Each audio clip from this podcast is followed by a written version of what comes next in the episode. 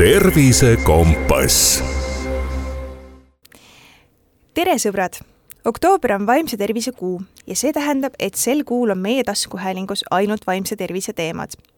ja me oleme alustanud koostööprojekti Peaasjadega, mille käigus siis võtame oktoobri jooksul ette erinevad vaimse tervise teemad ja peaasjade spetsialistid annavad nendes saadetes praktilist nõu. juba väga mitu osa on üleval Neid kõiki saab kuulata aadressil postimees.player.ee. täna on meil viimane saade, me olemegi jõudnud selle projektiga ühele poole ja viimane saade käsitleb ühte väga huvitavat, põnevat teemat. meil on külas peaasi.ee nõustaja Mark-Christopher Emmerich ja me räägime oma viha mõistmisest. ma ei teagi, mida kohe alguses küsida selle viha kohta, et äh, kas, ähm, kas inim-, mõned inimesed on nagu loomulikumad, natukene kergemini ärrituvad ja sellised vihasemad? alustuseks äh, tere ka minu poolt ja, ja vastuseks küsimusele loomu poolt, see on selline äh, hall ala, et, et mis see loomus on ja, ja kui palju see on tegelikult aja jooksul muutuv. et äh, lühidalt võiks öelda, et jah, on see on väga huvitav, nii et äh, mõned inimesed lihtsalt on vihasemad ja kui nad ähm, kui see viha neis väljendub, siis kas võib ka öelda, et, et see siis alati ei olegi justkui nagu nende süü, sest et nad, nad lihtsalt on sellised või seda vabandust tegelikult ei ole okei okay kasutada? seda vabandust ma siiski ei kasutaks, et äh, nii nagu meil on seadused, on meil ka kirjutamata reeglid ja mis tahes siis agressioon, mis selle viha tõttu siis äh, käiku lastakse, ei, ei ole tavaliselt äh, meie ühiskonnas siis aktsepteeritud. ja, ja seda siis ka ei õigusta see, et äh, juba minu ema või minu isa oli selline ja me kõik olemegi kuumaverelised ja mis iganes äh, põhjendused, et tegelikult see käitumine on suuresti ka enda siis kontrolli all või siis ka harjutada niimoodi, et see emotsioon saaks siis enda kontrolli alla. võib-olla viha mõistmise puhul siis kõige esimene eristus, mida teha, ongi see, et, et viha kui emotsioon on äh, täiesti tavaline, nagu ka kurbus, rõõm, hirmu tundmine, aga kus tekib probleem, on tavaliselt see, kui viha väljendub siis agressiivse käitumisena. et siis äh, karjumine, sõimamine, süüdistamine, füüsiline kuidagi vägivald, et, et siis, kui, kui käitumises on näha, et kas iseendal või, või ka teise inimese silme läbi, et äh, et see viha justkui ei ole kontrolli all. et üks viis, kuidas me võime viha mõista sellise piltliku näitena, on see, et äh, kui me kujutame ennast ette kui sellist gaseeritud jooki, näiteks äh, kokapudelit, et siis äh, kui miski meid raputab, siis, siis see kihin sees tekib, olgu see raputaja siis meie ise, mina ise või siis keegi muu. ja, ja kui see kork väga kiirelt eest ära keerata, siis kõik purskab välja. aga me võime selle korgi ka niimoodi aeglaselt üritada maha keerata, niimoodi, et see õhk, mis seal kihiseb, saab küll välja, aga midagi üle ei voola kui sa selle sellise näite juba tõid, siis äh, kui see pudel ajab üle, siis äh, see läheb tühjemaks. ja hiljem endal, kui on selline tugev emotsioon ka läbi käinud, siis kuidagi on selline tunne, et kuidagi väsimus või tühjus, äh, see on ka okei okay,, jah? jaa, see väsimuse tunne on normaalne, et selline stressiolukord, äh, olgu ta lühi- või pikaajaline, on siis äh, kurnav ja seda tasub ka arvesse võtta, et siis ka selle järgselt siis kuidagi tekitada see rahulik õhkkond enda jaoks.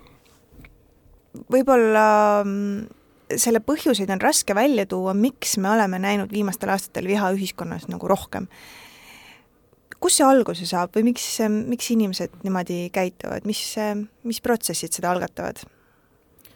no suuresti sõltubki viha tekkimine äh, reaktsioonist siis äh, mingile konkreetsele olukorrale või sündmusele või stiimulile. ja, ja see, kuidas inimene siis seda oma peas tõlgendab, määrabki ära, et kas, kas see olukord siis tekitab viha või, või mingit muud emotsiooni. ja, ja tõlgendus, äh, see on suuresti õpitav, või õpitud juba, et, et kõik see, mismoodi me maailma tajume, on meie varasemate kogemuste siis ka tulemus.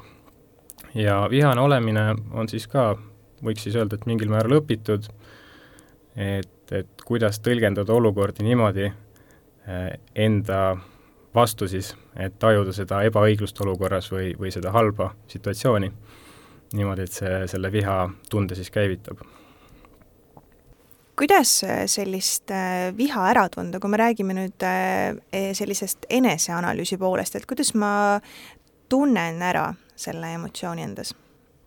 mitte see, et teised ütlevad mulle, et kuule, ära ole nii vihane. viha tundmine tavaliselt äh, annab ennast märku siis mõningaste kehaliste indikaatoritena, et näiteks tunnen, et keha kuumab või kehaosad on pinges, käed on rusikas, krampis, hääl väriseb, hääl tõuseb, hääle toon muutub, kõik sellised väikesed märgid ja tegelikult mida varem me märkame, et see vihatunne kerib, kasvab, seda lihtsam on seda tunnet ka enda kontrolli alla siis saada mm. -hmm. kuidas see enda kontrolli alla saamine käib, et mida sa soovitad ette võtta? nagu enne mainisin, siis äh, tegelikult see emotsioon on äh, reaktsioon äh, mingisugusele sündmusele ja täpsemalt siis äh, see, kuidas me seda olukorda tõlgendame.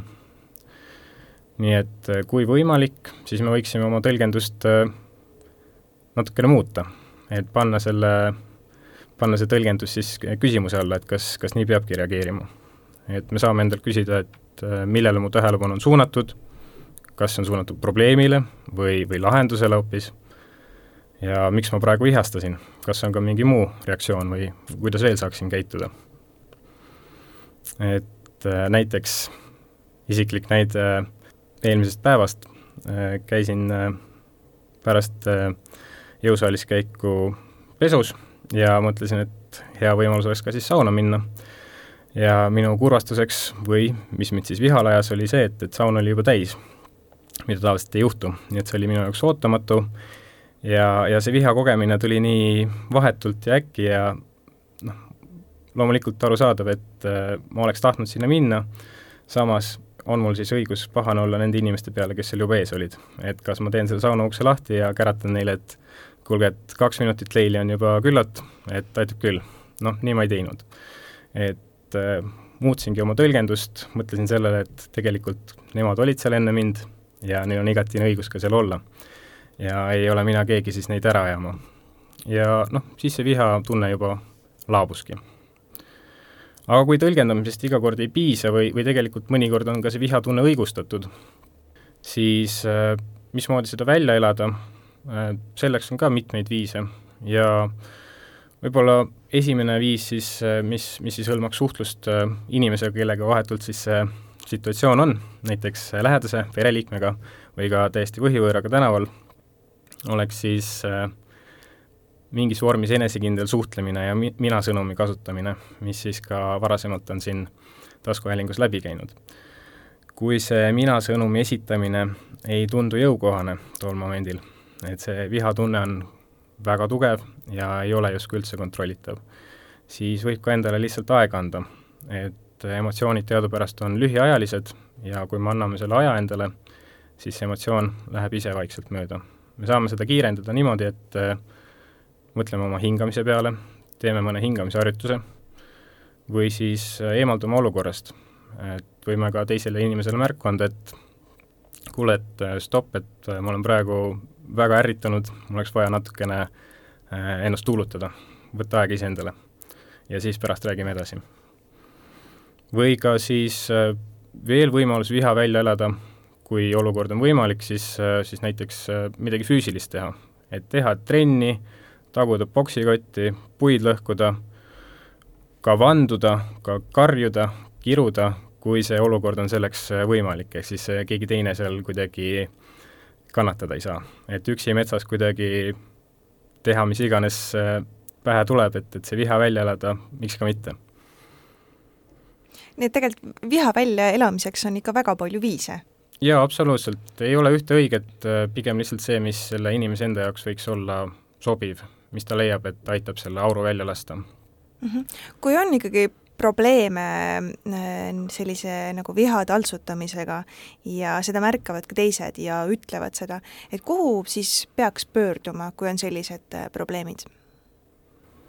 võiks pöörduda näiteks Peaasja kodulehe poole ja võtta seal ühendust nõustajatega, kas siis kirjutada meili teel või ka registreerida ennast nõustamisele äh, Peahea programmi, kus siis äh, viha mõistmine on üks moodulitest, mida me saame käsitleda, või siis äh, võtta ühendust teise vaimse tervise spetsialistiga, et pöörduda perearsti poole ja sealtkaudu siis psühholoogi poole, et võimalusi on ka tegelikult mitmeid, see nõuab kõigepealt siis probleemi teadvustamist ja ja ka tõdemist, et äh, mina inimesena võib-olla oma probleemidega päris ise toime ei tule ja on täiesti okei okay ka abi küsida. ja, ja leida selle jaoks siis oma spetsialist, kes mind aitab suunata. samamoodi nagu hambaarsti puhul ei, ei hakka iseenda hambaid parandama, otsime selle jaoks spetsialisti, et äh, miks mitte ka siis vaimse tervise puhul. suur aitäh sulle, Mark! aitäh! ja ma arvan, et äh, kui meelde ei jäänud kuidas äh, oma viha taltsutada, siis kuulake uuesti ja pange kirja, äh, sellepärast et äh, emotsioone tuleb ikka ette väga palju erinevaid ja erinevaid eluolukordi. Ja on hea, kui me oskame nendega hästi õigesti hakkama saada. tervise kompass